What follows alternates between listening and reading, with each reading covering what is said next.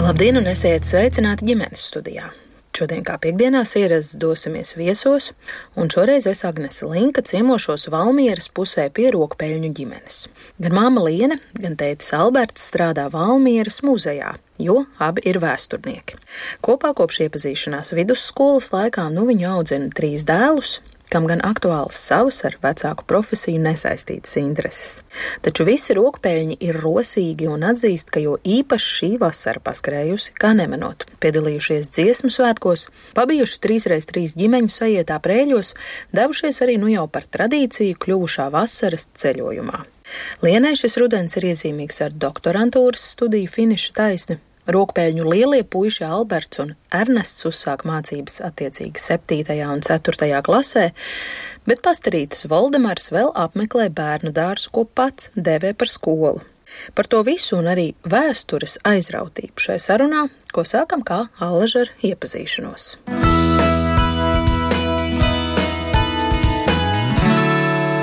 Es esmu Alberts. Šobrīd strādāju Valmieras muzejā, par krājuma nodeļas vadītāju, lai arī tas varbūt izklausās tā ļoti prestiži vai noslēpumaini. Tad būtībā tas, ar ko es nodarbojos, es esmu tāds birokrāts vai lietvedis, kurš pieskata, lai viss ir tur, kur tam jāatrodas, lai viss papīra kārtībā un viss mans nekur nepazūd. Tā ir viena lieta. Un otra lieta, es strādāju Mūzikas akadēmijas pētniecības centrā par pētnieku, par zinātnisko asistentu. Ko tur var pētīt? Ko, ko var pētīt? Pētīt var daudz ko, bet es konkrēti pētu uh, 20. gadsimta starpkara periodā, nu, teiksim, izklaidi, izklaides mūziku. Es esmu Liene, jā, es esmu trīs dēlu mamma. Es arī strādāju Valmieras muzejā, bet par vēstures nodaļas vadītāju un arī par direktors vietnieci zinātniskajā darbā. Tas man ir jauns amats, nepilnu gadu. Tad es mēģinu saprast, ko pētīt, kur virzīties Valmieras muzejām, kas būtu tās lietas, kas ir uh, interesantas ne tikai tikai mums pašiem, bet arī sabiedrībai. Mēģinam atvērt muzeju plašākām durvīm, jo ļoti daudziem cilvēkiem liekas, ka muzejs ir kaut kas tāds slēgts un ar mantām, kuras dažkārt nevar izprast. Es studēju arī Latvijas Universitātes vēstures filozofijas fakultātē doktorantūrā. Man pētniecības tēma savukārt ir viduslaiki, viduslaiku periods un konkrētāk Valmieras viduslaiku dokumenti. Tā kā senie rokraksti, tā ir mana izrautība. Tas ir tas, ko daru es. Nu, tad pēc auguma vai pēc vecuma? Pēc jā. vecuma, jā, jā. pēc auguma un pēc vecuma vēl. Kā sauc tevi? Mani arī sauc Alberts, kā man tēti. Es eju 7. A klasē, man ir 12 gadi. Mm. Es eju karatē jau 8 gadus. 8 gadus. Tādas noturīgas ļoti intereses. Es gāju mūzikas skolā, kuru klasē četrus gadus, un tad es aizgāju prom, bet es atgriezos un es uh, sāku spēlēt ģitāru. Tagad man būs otrais gads ģitārā. Klau, Alberta, vai es drīkstu to pavaicāt, ar kādām sajūtām tu sāc šo jauno mācību? Gadu, jo mēs esam tagad septembrī, kas ir skolas atsākšanās mēnesis, satikušies. Ir forši satikt draugus, bet nu, garās dienas skolās nav vajag forši. Nu, varīgi iet uz skolu, bet es negribu, lai ļoti daudz stundas. Septītajā klasē laikam diezgan daudz priekšmetu arī nāk klāt, un to stundu uzreiz kļūst jūtami vairāk, vai ne? Jā, pirmās trīs dienas beidzās 3.15. Kas līdz šim tev skolā ir paticis labāk? Sports un matemātika. Kā ar vēsturi? Saki, kā nu, man, man nepatīk.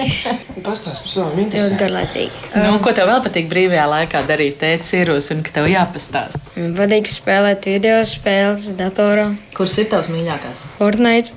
Man patīk arī taisīt spēles, bet nu, es vairs neju programmēšanas pulciņā, tā kā es diezgan daudz ko nemāku, bet uh, Robloxā ir tā opcija Roblox studiju. Tajā tu vari taisīt savas spēles, bet tas ir vienkāršākais veids. Es domāju, tas ir vislabākais, sākt programmēt spēles. Jā. Jā, mēs arī atbalstam, jo tad, kad viņš taisa tās spēles, un uh, mums bija pagājušā gada joks, mēs uh, tikko muzejā atvērām jaunu ekspozīciju ar nosaukumu The Voldemer. Mēs ar Albertu bijām uh, divi no trim satura veidotājiem. Līdz ar to daudz laika mēs pavadījām uh, gan veidojot saturu, gan sadarbībā ar dizaineriem, gan arhitektiem. Un, Un uh, tad viena no tā dizaina daļām bija arī šī interaktīvā iesaiste, visādas spēlītas un kaut kas. Un mums visu dienu stāsta tie IT speciālisti. Mēs tur salikām tādas programmas, un tur saprogrammējām un salikām tā, un mēs tad pārguruši jau pēc darba laika beigām atnākam mājās. Un Albertiņš saka, mēs gribam jums parādīt, ko es uzprogrammēju. Un es domāju, man Dievs, tiešām mums vēl jāatklausās kaut kas ir, bet tu jau ej un klausies, ja tam bērnam ir patiešām prieks. Patiesībā ir tā, ka tad, kad mēs zinām, ka viņš taisa tās spēles un pats kaut ko dara, nevis spēlē vienkārši, tad mēs neierobežojam un ļaujam viņam daudz vairāk tur darīt. Bet, eh, protams, ar to spēlēšanu nevar jau vienmēr noskatīt, ko viņš dara spēlē vai programmē pats. Bet, jā, kā, to mēs atbalstam un mēs gribam arī, lai viņš to attīstītu, jo viņam patiešām ir interese par šo jautājumu. Kā sauc tevi? Mani sauc Ernests. Šeit 4. klasē.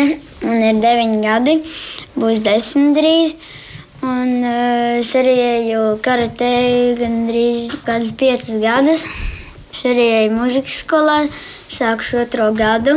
Ko tu spēlē vai mācījies muzikas skolā? Uh, spēlēju flautu, sāku spēlēt klavierus. Ko tev patīk darīt eh, brīvajā laikā, ārpus skolas un mūzikas skolas, vēl bez karatē? Mm, dažreiz padzīvoties, iziet ārā ar draugu. Kur te var iziet ārā un aiziet, un uh, ko te var darīt? Mēs esam satikušies Valmieras, nu, ja tā var teikt, pievārtē. Piekritīsiet tādam formulējumam. De facto mēs esam pilsētā, protams. Jā. No, no vienas puses mēs neskaitāmies centrs Mēs esam tā saucamais ausekļa gals. Rīgas iela satiekas ausekļa ielas čērso Rīgas ielu, bet mēs jūtamies diezgan centrāli, tāpēc, ka mums ir blakus vairākas tādas pilsētā nozīmīgas vietas, kaut vai iepirkšanās centrs Rimī, Valmieras Olimpiskais centrs un Peldbaseins un BMX lielā trase, kur notiek Eiropas čempionāti. Līdz ar to mēs nejūtamies, ka mēs būtu tādā kaut kādā ļoti, ļoti lielā nomalē, bet no otras puses, ja mums gribās druskuļi pabeigties no trokšņiem un pilsētas, mēs diezgan ātri, 5-7 minūšu gājienā attālumā, varam būt pie gaujas, gaujamalā, gaujas mežā kaut kur un peldēties. Un... Baudīt dabu. Jā. Mm -hmm. nu, tad atgriežoties Ernest, pie tā jautājuma, kad iziet ārā ar draugu, ko jūs mm. vislabprātāk sadarat? Aizejām pie viņa, spēlējām telefonus. Dažreiz arī pie manis atnākam. Ja ir mazais brālis, tad mēs spēlējam ķermenis mazais brālis tiek pieminēts, tad jums jāpastāsta arī par mazo brāli, kurš vēl eh, šobrīd ir bērnu dārzā. Jā, mazais brālis maijā viņam palika četri gadi. Viņu sauc Valdemars. Viņa aizraušanās šobrīd ir iešana uz skolu. Jo viņš redz, ka brāļiem tiek pirktas mantas, un viņam ir mugursoma mugurā. Un, uh, penāls ar visu iedomājamo un neiedomājamo tur. Un viņš iet uh, uz bērnu kā uz skolu. Vakar viņam vajadzēja, lai viņam nopērk burtnīcu. Jā, viņš iet skolā. viņš grib iet skolā. Nu, jā, viņš mums ir tāds brāļu brālis, ritīgs. Viņam vajag. Vairāk brāļus kā mamma un tēti. Tāds ir aizskolas mums. Un, ja varētu šķist, ka ar katru nākamo bērnu paliek mierīgāk un mierīgāk, tad nē, pilnīgi noteikti nē. Mums ir tā, ka uh, Albertiņš mums bija parauga bērns, viņš mums klausīja. Viņš joprojām īstenībā ir vispaklausīgākais, neskatoties to, ka viņam ir tīņi gadi sākušies. Ar viņu, piemēram, uz ielas vienmēr, jā, vienalga, cik viņš bija vecs. Uh, uz ielas viņu varēja laist. Viņš vienkārši gāja vai nu pie rokas, vai pats gāja. Es zināju, ka viņš nekad neizskries uz ielas. Ar Ernestu mums jau gāja jau grūtāk, un Valdemārs vienkārši iet tur, kur viņš grib, un ar viņu ir ļoti grūti sarunāt kaut kādas lietas. Un viņš mums tāds ļoti, ļoti liels spītnieks ir. Bet viņš ir dvīnis, un tad viņam arī ir šie laikam divi raksturi. Kad viens ir tāds ļoti nopietns, viņš stundām ilgi gleznot, piemēram, viņam patīk ļoti zīmēt. Viņš paņem otrs, vai viņš paņem krītiņus un zīmeļus. Viņš tiešām ilgi, ilgi to dara. Tā otra daba viņam ir tāda, ka viņš te ir, tad ir tur, jau ir jau uzkāpis, jau ir nolecis, jau ir izlecis no pūšļa, jau ir, nu, vārds sakot, ir noticis viss iespējamais un neiespējamais. Tā kā jā, tāds ir mūsu mazais brālis. Jā, vēl par Valdemāru jāsaka, kāpēc viņš ir dārziņā, nevis šeit. Viņš ir solists. Kā viņš ieraudzītu šo mikrofonu, viņš noteikti pieprasītu, lai viņam iedod, un tad viņš kāptu uz galda, un viņš dziedātu. Nezinu, vai mums izdotos tādā vienlaidus saturīga saruna. Te būtu solists, kurš organizētu visu to lietu pa savam. nu, iespējams, ka ģimenes studija ir pamatīgi zaudējusi kaut nu, ko. Varbūt, jā, kolorītu, jā, personību. Jā, bet nu, gan jau viņš ņemot vērā, cik ļoti liels solists viņš ir, gan jau kaut kur pats rādījā, varbūt uzdziedās, jo viņa krustēts, vien, viens no krustētiem strādā rādio. Tā kā kas zina, kas zina, varbūt ies un dziedās kaut ko.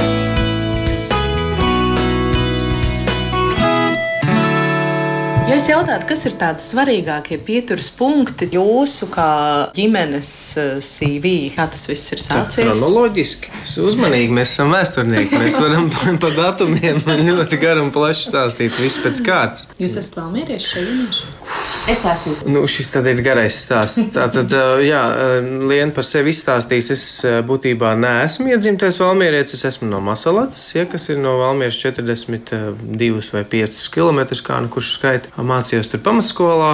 Pēc tam nācu, tajā laikā bija populāri, nācu uz Valmieru vidusskolā mācīties um, Valmieras pārgājas gimnājā. Tur mēs ar Lienu iepazināmies, būtībā korī dziedot, un, un, un tāpat uh, faktiski arī turpinam dziedāt visos koros, un tur dziesmu sēku 150 gadu jubilejās un visos citos dziesmu sēkos. Skolas laikā sapratām, ka tā vēsture ir tā lieta, kas mūs interesē, un Liena jau pirmā aizgāja uz fakultāti, un, un tad viņai tur viss patika tajā laikā. Mēs tādu ļoti lielu prieku atceramies tos uh, profesorus un uh, docētājus, kas tajā laikā strādāja. Liela daļa no viņiem šobrīd jau ir pensijā, bet nu, mums vēl ar dažiem no viņiem pat ir tiešām siltas attiecības. Mēs sazvanamies un, un kaut kur kādreiz pasakām pasākumos, konferencēs satiekamies.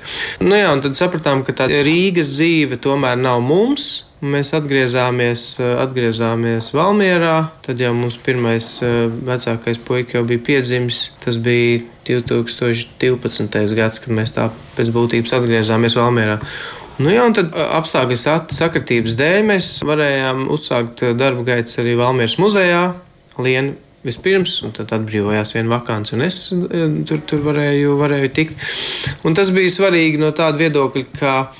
Lai arī muzejs, nu, teiksim, tādā darba tirgu nav nekas ļoti prestižs un tāds, nu, kur tur ar lielo naudu taisīt, mums bija svarīgi un vēl joprojām es domāju, ka ir darīt to, kas mums patīk. Darbības sfēra, kurā mēs saskatām kaut kādu ieguldījumu, kaut kādu paliekošu vērtību, ar savu darbu, ar savu viedokli, kas ik pa laikam kaut kur ir jāpauž, ar savām publikācijām, kas ir nu, vēsturnieka dzīves sastāvdaļa. Līdz ar to jā, nu, tā dzīve iegrozījās tādā veidā. Nu, ko Lienu par to var teikt? Jā, patiešām mēs kopā esam jau no vidusskolas. Es vakar tieši domāju, kā tur tas viss sākās. Jo būtībā mēs dziedājām vidusskolas ansamblī, mums bija jādzied solo, bija jādzied mīlas dziesmu. mēs viņu sākām mēģināt. Tā mēs turpinām, mēģinām vēl joprojām to dziesmu dziedāt.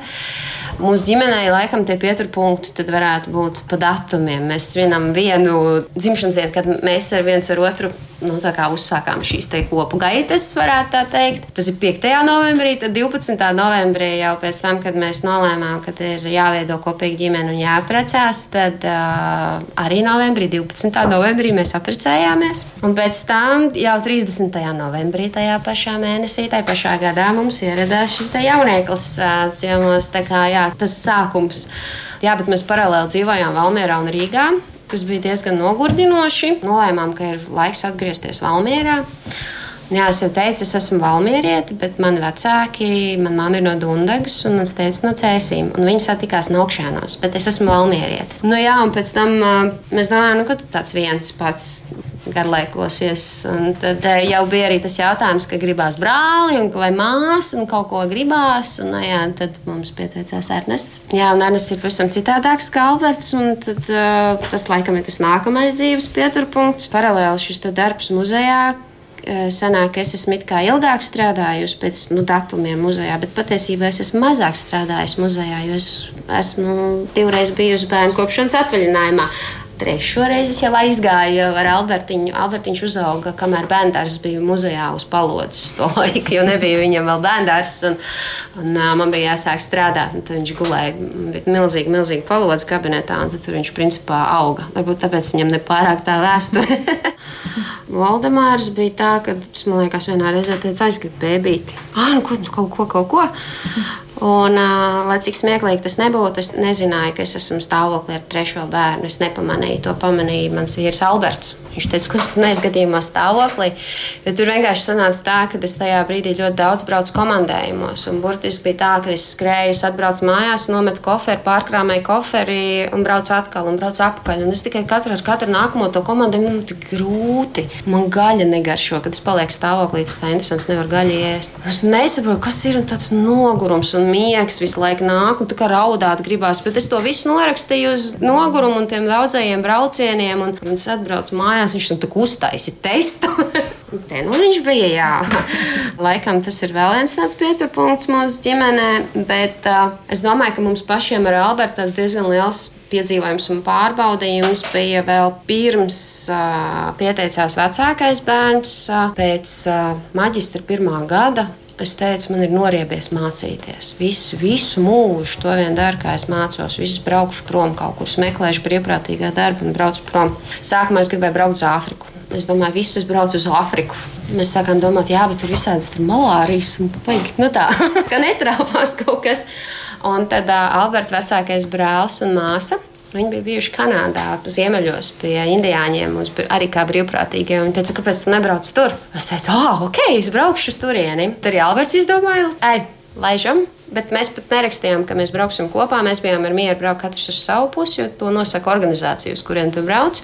Un tad mēs bijām gadu Kanādā. Tur, kur mēs bijām pilnīgi atsevišķi no visiem un no visi, kas ir šeit Latvijā, tā sajūta bija, nu, kur tālāk. Mēs esam kopā tik ilgi. Nu, tā teikt, vai nu precamies, vai ejam katrs savu ceļu. Nu, cik ilgi tur kaut ko tā kā ir, tā kā nav, uh, darīsim. Un tad īstenībā tā arī sanāca, jo Alberts jau vidusskolā man teica, es pēc sešiem gadiem gadiem kopā ar mūsu draugiem Melnā Žigulī atbraukšu tev pakaļ un mēs precēsimies. Un kāzu rītā viņš ieradās ar mūsu diviem draugiem, kuri bija mūsu liecinieki Melnā Žigulī. Tā tas arī notika.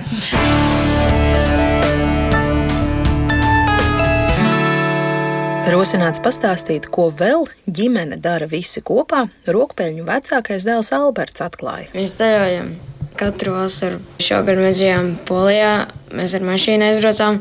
Pagājušajā gadā bijām aizbraukuši uz uh, Vāciju, no aizlidojuši. Tur mēs daudz ko darījām, un mēs bijām Tropical Islands, lielākais baseins pasaulē, vai kaut kas tāds, nezinu. Iekštelpās. Jā, jā. jā nu tas ir diezgan kaut kas liels atmiņās. Mm -hmm. Es tieši gribēju jautāt, ko jūs darāt tajos ceļojumos? Kaut kāda atrakcija parki vai ūdens parki?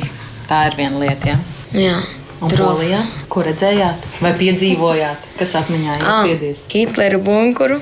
Un um, ā, mēs bijām arī Lietuvā, Viļņā uz akvaparku. Mēs bijām ķieģeļā lielākajā pilī pasaulē. Mēs bijām Melnburgas pilī. Nu jā, mēs mēģinām vienmēr sabalansēt, lai ir tas piedzīvojums, un mēs kaut kā esam sapratuši, ka tā kā visiem patīk ļoti, ļoti peldēt, tad kāpēc gan lai to ne, nu, tā nesasaistīt ar ceļošanu? Un, bet mēs nepareizā kārtībā, man liekas, sākām, jo mēs aizvedām puikas uz vislielāko tādu, nu, iespaidīgāko iekštelpas to akvaparku Vācijā. Un tad atbraucot atpakaļ, nu, labi, nu tagad ko? Tad mēs bijām Igaunijā uz akvaparku. Tur arī bija feini, vai ne? Bet nav vairs tas. Bet nav vairs tas. nu, labi, nu, ko, nu, tad tepat Latvijā kaut kur arī nav jau atkal vairs tas.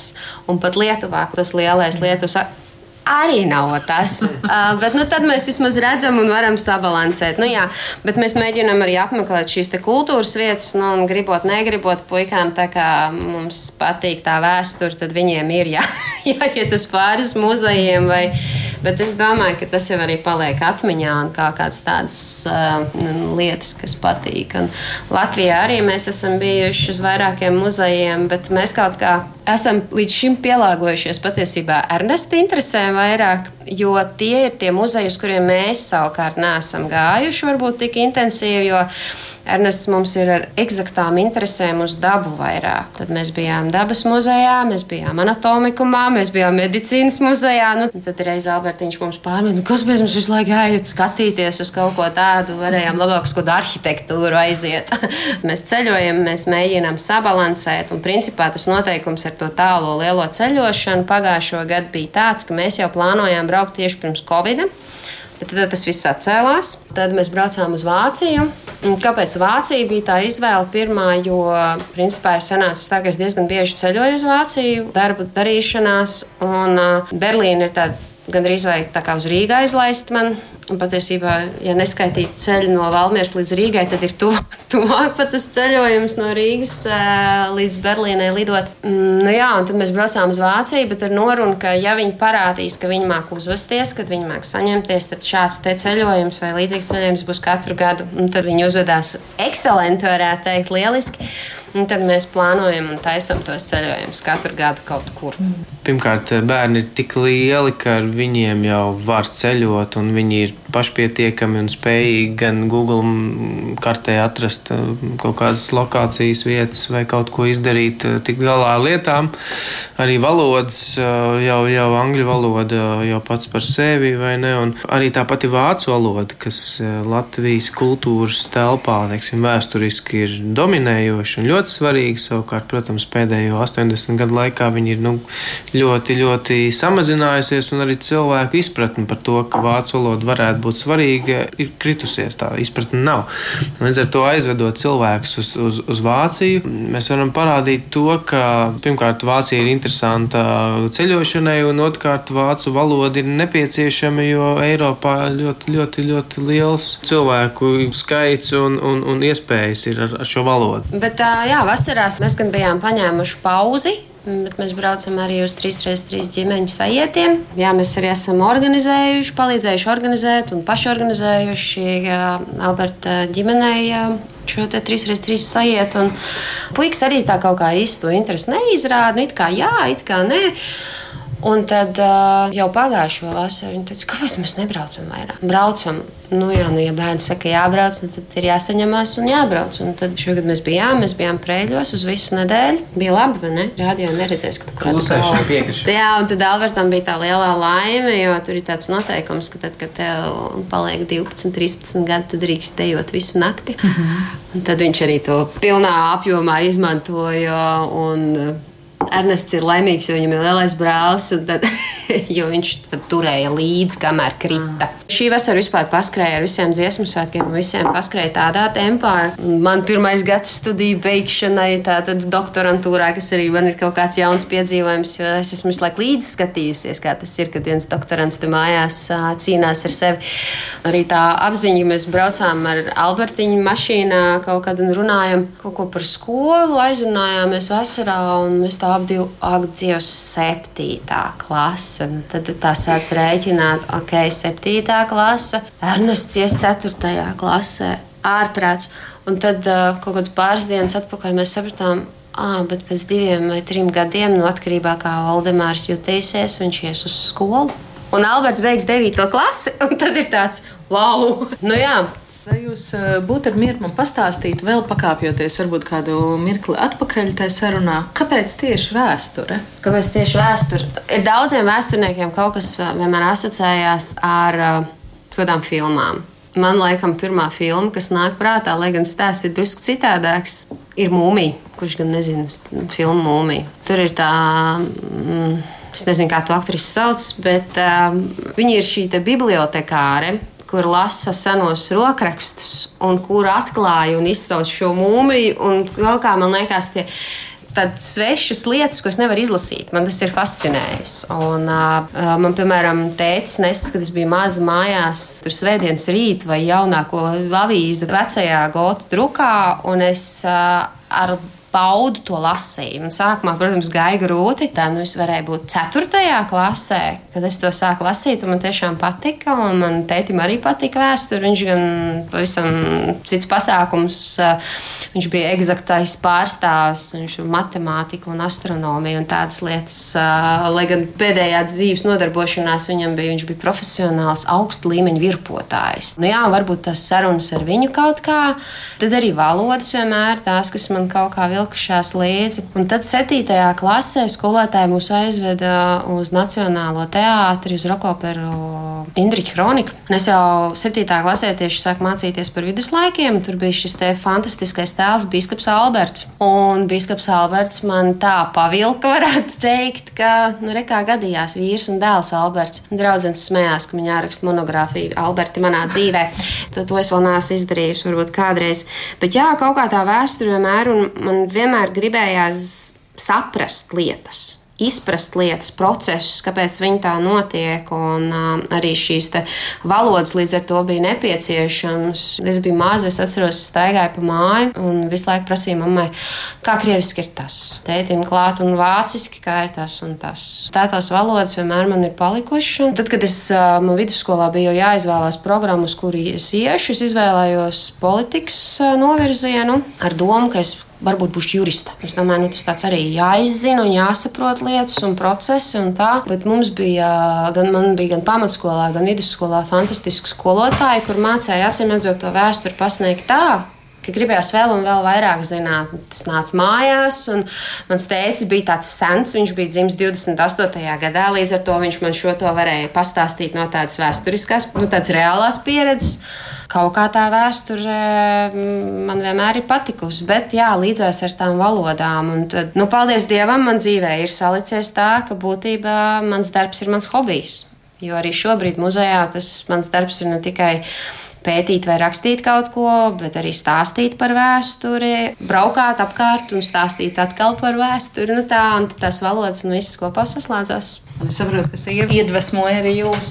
Tas varbūt tajā konkrētajā brīdī bija, bija tas triggers vai tas nu, atspērienu punkts, kas palīdzēja saprast, ka tieši tā fakultāte un tā nozara. Jo tajā brīdī es apsvēru vairākas. Tur baltu filoloģiju un, es nezinu, bērnībā tur domāju par paleontoloģiju un vēl nezinu kādām lietām. Bet es esmu cilvēks, kam patīk lietas zināt un lietas prast. Man fascinē cilvēki, kas ir erudīti Man pašam gribās tādam būt. Man patīk, ka es saprotu, kā procesi notiek. Man patīk, ka es lietas varu izdarīt. Es pats varu mājās, nezinu, saremontēt kaut kādas lietas, uzmūrēt plīti vai saremontēt elektrības slēdzi vai kaut ko tādu. Tādas prasmes, zināšanas, informācija un tām lietām jau no bērnības. Un, un līdzīgi arī ar vēstures procesiem, ar vēstures personībām. Man ir aizrāvuši dažādi karavadoņi un tie vēstures stāsti, kas ir nākuši no bērnības. Arī ir šādas leģendas par karalu Artūru, par Robinu Hudu par krusta kariem un tā tālāk. Līdz ar to vēsture vienmēr ir bijusi līdz, līdzesoša. Es nekad nevarētu teikt, tā kā es klausos aktieru intervijās stāst. Gan arī katrā intervijā es dzirdu, ka viņi saka, ka viņi nejauši nonākuši mm -hmm. kultūras akadēmijā un pēkšņi kļuvuši par aktieriem vai par režisoriem. Un varbūt tādiem cilvēkiem tas tā arī notiek, bet manā gadījumā varbūt, Liena bija tā, kas, nu, teiksim, man iedrošināja iet konkrētajā fakultātē tajā brīdī, bet vēsture kā tāda man vienmēr bijusi klāta, un es atceros arī skolas laikā vidusskolā saviem līdzbiedriem un draugiem eh, palīdzēja gatavoties eh, kontrolu darbiem, skaidroja kaut kādas procesus, jo man tas vienkārši patika izprast, kāpēc ir kaut kādas lietas un saprast, ka ir lietas, kuras arī nevar saprast. Studijā šodien tiekamies ar rokpēļņu ģimeni no Valmieras. Abi vecāki, Alberts un Liena, ir vēsturnieki. Abi kopā strādā Valmieras muzejā. Ģimenē aug arī trīs dēli - Alberts, Ernests un Valdemars. Mēs tiekamies ģimenes studijā. Izskanot vecāku izvēlētai mūzikai, mēs atsākam sarunu un vēršos pie puišiem ar jautājumu par vecāku darba vietu. Jums sanāk šādi aizstaigāt uz uh, Valmīras muzeju? Ja mamma ar tēti saka, tad jau aiziet, bet nu, tā vajag nu jau, ko es tad darīšu. Sēdēšu un skatīšos, kā mamma ar tēti strādā. Jā, var jau pastaigāt pa muzeju arī, vai tu jau tu tur visu zini no galvas, un tev tur vairs nav nekā ko pētīt? Nē, nu, jaunā māja bija, un tad es apskatīju, bet nu, tagad jau es zinu, kas tur viss ir. Skatoties tagad, kā Alberts atbild uz jautājumiem, man uh, gribās viņu pabikstīt, uzmundrināt. Viņš īstenībā ir uh, ļoti runātīgs un plašs, tāds domājošs cilvēks. Ierosinājums par TikTok, ko es iepriekš teicu, lai viņš pastāsta, nav runa par to, ka viņš eh, patērē kaut kādas mūsdienu populārās lietas, bet viņš mēģina arī domāt visādus jociņus, montē video. Bija situācija, kad jauno muzeja ekspozīciju bija atbraucis eh, jaunais prezidents apskatīt, un, un mēs tur bijām klāt, un Alberts arī kaut kā tur nejauši gadījās, un tad prezidents ievēroja, vēl izteica tādu jautru, kā jau Rinkēvičs tāds eh, asprātīgs un arī vēsturnieks izteica komentāru, ka presa ir ieradusies, jo Alberts filmēja un tad taisīja pēc tam tos TikTok video.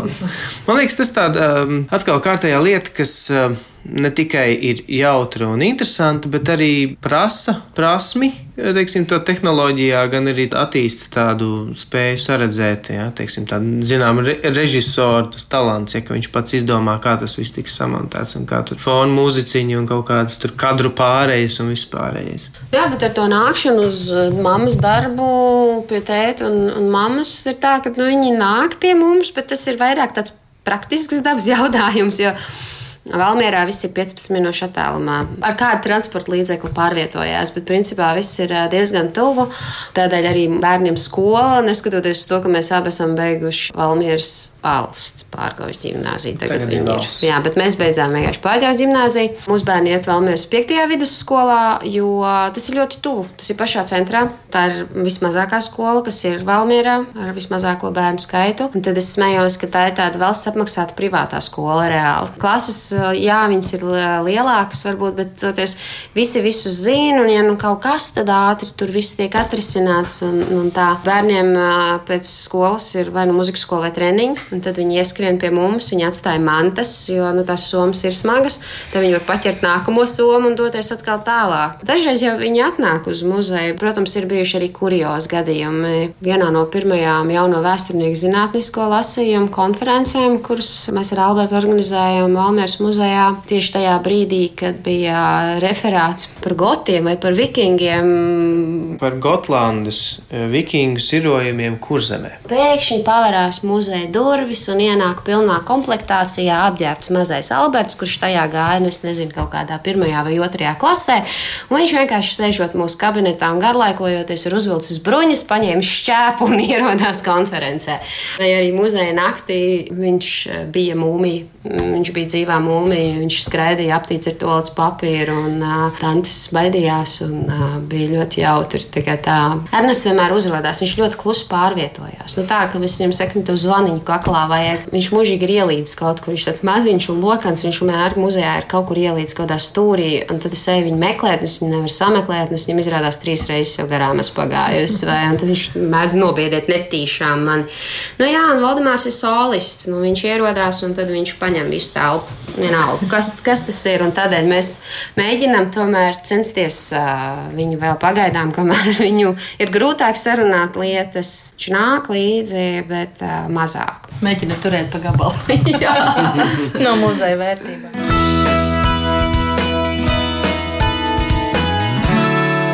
It īpaši pēdējos gados, eh, laiku pa laikam, tā sevišķi kaismīgi uzvirmotā diskusija par to, kā tiek mācīta vēsture Latvijas eh, skolās.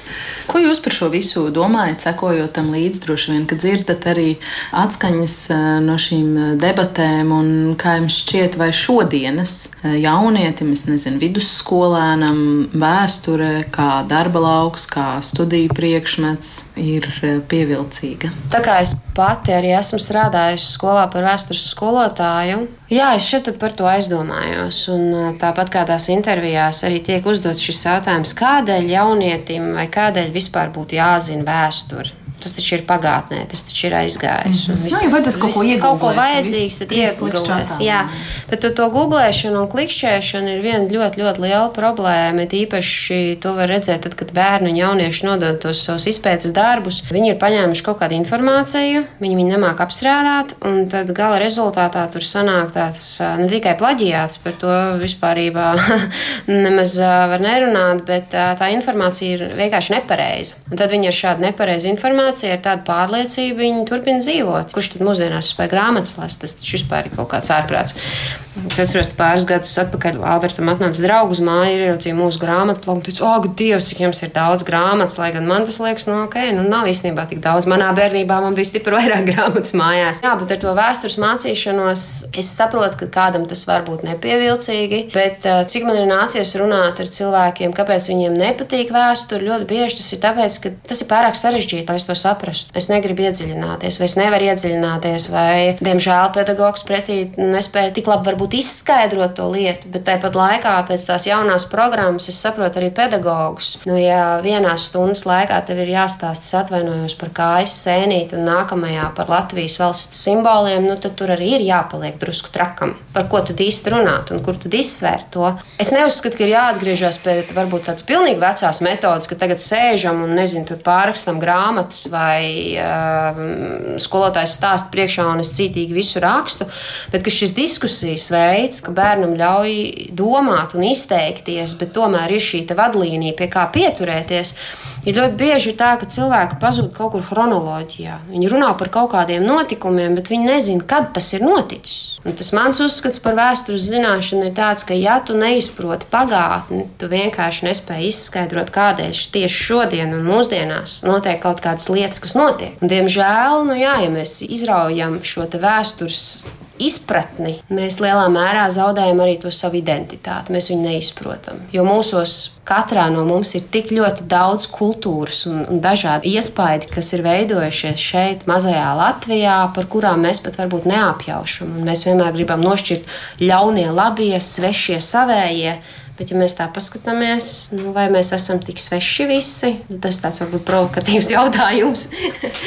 nu, man personīgi nav, nav pieredzes skolā strādājot, līdz ar to man ir grūtāk teikt par programmu un to, bet tas, ka cilvēki ne tikai skolēni, bet arī pieaugušie um, jēdzienu vēsture vai vēstures zinātni asociē tikai ar kaut kādu sausu spēju atcerēties datums vai cilvēku uzvārdus tas ir gaužām sekli vai šauri, jo tā pamatlieta jau ir spēt kritiski domāt, un tagad taču ir tik populāra ja kritiskā domāšana un spēja nošķirt viltus ziņu no īstas ziņas, un ja ir tā teikt speciālas institūcijas, kas strādā, lai ražotu viltus ziņas, lai ražotu dažādiem komunikācijas trikiem cilvēku uzmanību piesaistīt, un tad ir jābūt kaut kā kādām arī pretmetodēm, ar kurām tos uh, satrauktos cilvēkus nomierināt, lai viņš tiešām dzirdētu to lietu, bet spētu trīsreiz ieelpot un tad atbildēt. Ja, nu, kaut vai varbūt triviāls piemērs domājot par telefonu krāpniekiem. Nu, noskait līdz desmit, un tad izlasa vēlreiz to īziņu, pirms sāc sūtīt savus pinkodus it kā kaut kādiem vidu darbiniekiem vai kam tur, par ko viņi uzdodas. Tā ir tā vēstures lieta. Nu, tas var būt tāds, jā, ļoti plašs diskusija lauks par to, kāda ir vēstures vieta sabiedrībā. Bet tas, ka tai ir jābūt, ka tai ir jāpaliek, tas ir tik, tik svarīgi, tik būtiski, ja? un, un, un, un dažreiz pilnīgi negaidot tik aktuāli. Bet jūs, kā tēti, piemēram, uztrauc tas, cik kvalitatīvi skolā iemācīs vēsturi jūsu bērniem, jūsu dēliem, vai strunts ar visu iemācīšu pats mm. to, ko vajadzēs, vai iemācīšu to domāšanas disciplīnu, vai arī mūs satrauc tas, vai visi viņu klases biedri to kaut kā apgūs. Redz, vēsturi var iemācīties tad, ja ir interesanti, ja pašam interesē lietas. Ja teiksim, ar eksaktām lietām tas nevienmēr tā var būt, tāpēc ka vienam ir galva uz cipariem, un otram varbūt nepārāk. Nu, bet tas ir mans subjektīvs viedoklis. Man, man ir grūtāk ar, ar matemātiku, bet vieglāk ar, ar vēsturi. Es nezinu, vai es varu kaut kā objektīvi novērtēt, ka es būtu savā laikā skolā labāk apmācīts vai sliktāk. Es domāju, es esmu diezgan pārliecināts, ka es nebūšu no tiem, kas ar to vēstures grāmatas tur rokās, tur skries pēnam pakaļ un visu laiku mēģinās kaut kā iemācīt. Es drīzāk mēģināšu tā pazondēt, saprast, ko viņš ir sapratis no tā, kas viņam tiek stāstīts, un vai viņam tas ir interesanti. Un, ja viņam tas nebūs interesanti, es mēģināšu izdomāt eh, kaut kādus veidus, kā viņu parunāt par tām lietām, lai viņš saprot, nu, teiksim, kaut kādu procesu likumsakarību. Citādi var gadīties, ka TikToks uzvarēs. TikToks ir tāda ļoti viltīga lieta, jo es neesmu TikTokā, un es pēc būtības nevienam neiesaku tur būt, dariet kā gribat, bet eh, vienkārši vien, viens atkal pieredzes stāsts no mūsu pašu dzīves šopavasar liku gulēt bērnus, tātad četrgadīgo Valdemāru, bet nu, viņš dzīvo vienā istabā ar deviņgadīgo Ernestu. Un, un Ernests tagad man prasa tajā brīdī, kamēr mēs mēģinām tur aizmigt. Es skatījos, tik tā kā tur bija Jēzus Kristus, un, un tas ir lieldienu laiks. Un viņš tur nesa to krustu, un tad viņš tur nomira, un tad viņš tur augšām cēlās. Kas tur īsti notika? Un, tā, un, un es viņam mēģinu skaidrot, tā teikt, jaunā derība un, un, un kristietība un, un kristīgā filozofija un, un kā mēs uz lietām raugamies un kā tas ir, ka viņš it kā nomirst un tomēr pēc tam ceļās augšā. Un, un tad viņš man pēc tam jautā, Bet kas ir grēks? Ir skaidrs, ka tas bērns varbūt viņš ir TikTok kaut kādā iespaidā un kaut kādas lietas, kas ir popkultūra apkārt, bet arī te pašā bēdīgi slavenajā TikTokā parādās ik pa laikam kaut kādas aktuālās lietas, ja? tās pašas kara tēmas, par kurām bērns interesējās. Un tad ir labi, ka viņš man pajautā, nevis vienkārši kaut kur akli kaut kādiem, kas mēģina to lietu kaut kur ideoloģiski pagriezt. Bet pabeidzot par to, kas ir grēks, kad es šo joku, jeb situāciju stāstīju stāstīju arhibīskapam Jānim Vanagam, viņš teica ļoti vienkārši. No grieķu valodas grēks ir aizšāvu garām, netrāpīja.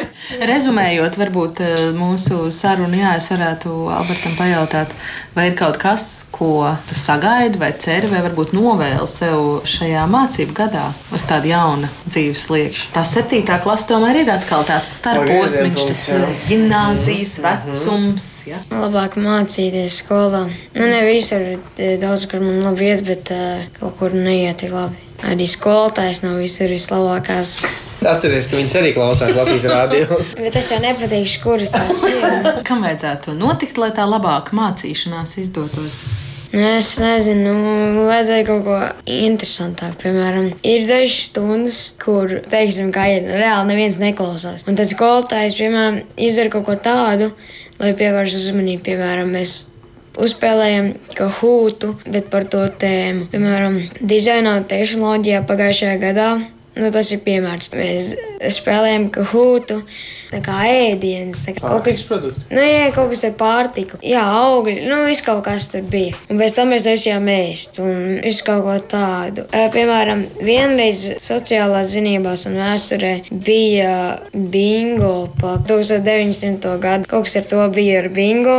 Tas vēl bija interesanti. Nu, tas ir tāds, ko es atceros un kam pievērsu uzmanību. Te droši vien jāpiebilst, ka Kahūt ir tieši saistes tāds Viktorīnu rīks, mm. vai ne? Jā, nu, tieši tik vienkārši. Nu, jā, par tām skolām, un, um, kas ir tas, kas palīdz bērniem mācīties, un arī dzīvē mēs paši savā starpā runājam, nu, kāpēc reizēm ir tik grūti sevi piespiest. Un viss ir ļoti vienkārši, tā disciplīna. Tev vienkārši jāiemācās mācīties. Arī tikpat vienkārši. Man ļoti patīk, ka Alberts pats bija izdomājis, ka pirmajā pusgadā viņš tur to padarīs vairāk un to mazāk, un tad viņš dabūs augstāk to vidējo, un uh, tad pēc tam atkal uh, būs citādāk, un tad tur viņam būs grūtāk grūtāk, druskuļi, jo tas ir garāks semestris, un tad viņam būs mazāk, bet beigās jau sanāks vairāk. Jo nu, viņš mums ir matemātiķis, par ko mēs priecājamies, jo ģimenē vēsturnieku pietiek. Lai gan nē, mums viss ir kārtībā, mēs savā starpā neplēšamies. Tās tās pašvadītās prasmes, ko jā, jūs, man liekas, nu pat uh, raksturojāt. Viņš tāds pats, pats izdomā kaut kādas lietas, un nu, jautājums, vai viņš tam spējas pieturēties.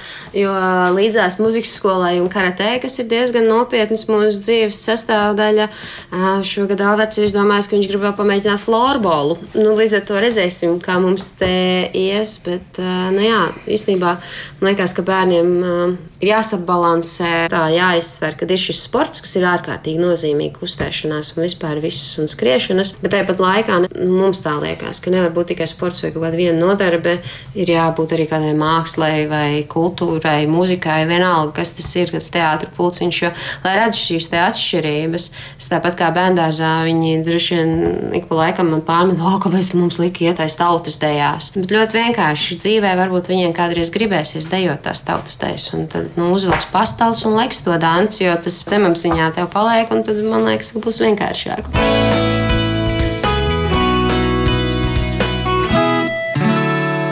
Man liekas, ka pirmais jautājums būs, kā ir strādāt kopā diviem, vai dzīvot kopā diviem vēsturniekiem, vai diviem vienas profesijas pārstāvjiem. Kā tas ir? Nē, ja tā, kā teikt, bez humora, pavisam nopietni runāt, tad uh, ir viegli vērtību ziņā. Tāpēc, ka mēs ļoti labi saredzam drēbi Mēs ļoti labi redzam, kas ir tās vērtības, ko mēs gribam ieaudzināt bērniem, kas ir tās vērtības, uz kādiem pamatiem ir, eksistē un pastāv, attīstās Latvija kā republika, suverēna. Nu, līdz ar to nu, tādā ziņā nav problēmas saskatīt, kur ir kaut kādas muļķības vai kaut kādas um, manipulācijas ar cilvēku uztverēm un tādām lietām. Un vienlaikus ir viegli tāpēc, ka mūsu intereses ir ļoti atšķirīgas, tās pētniecības intereses. Mēs nekonkurējam. Varbūt savā ziņā tas nelielais mīnus ir tāds, ka, ja mēs būtu vienā disciplīnā, tad mēs eh, varētu viens otru varbūt kaut kādu profesionālāku vēl kritizēt. Pozitīvā nozīmē tādu profesionālu, kritiskāku kaut kādu pieeju viens otru darbam, bet nu, tas varbūt arī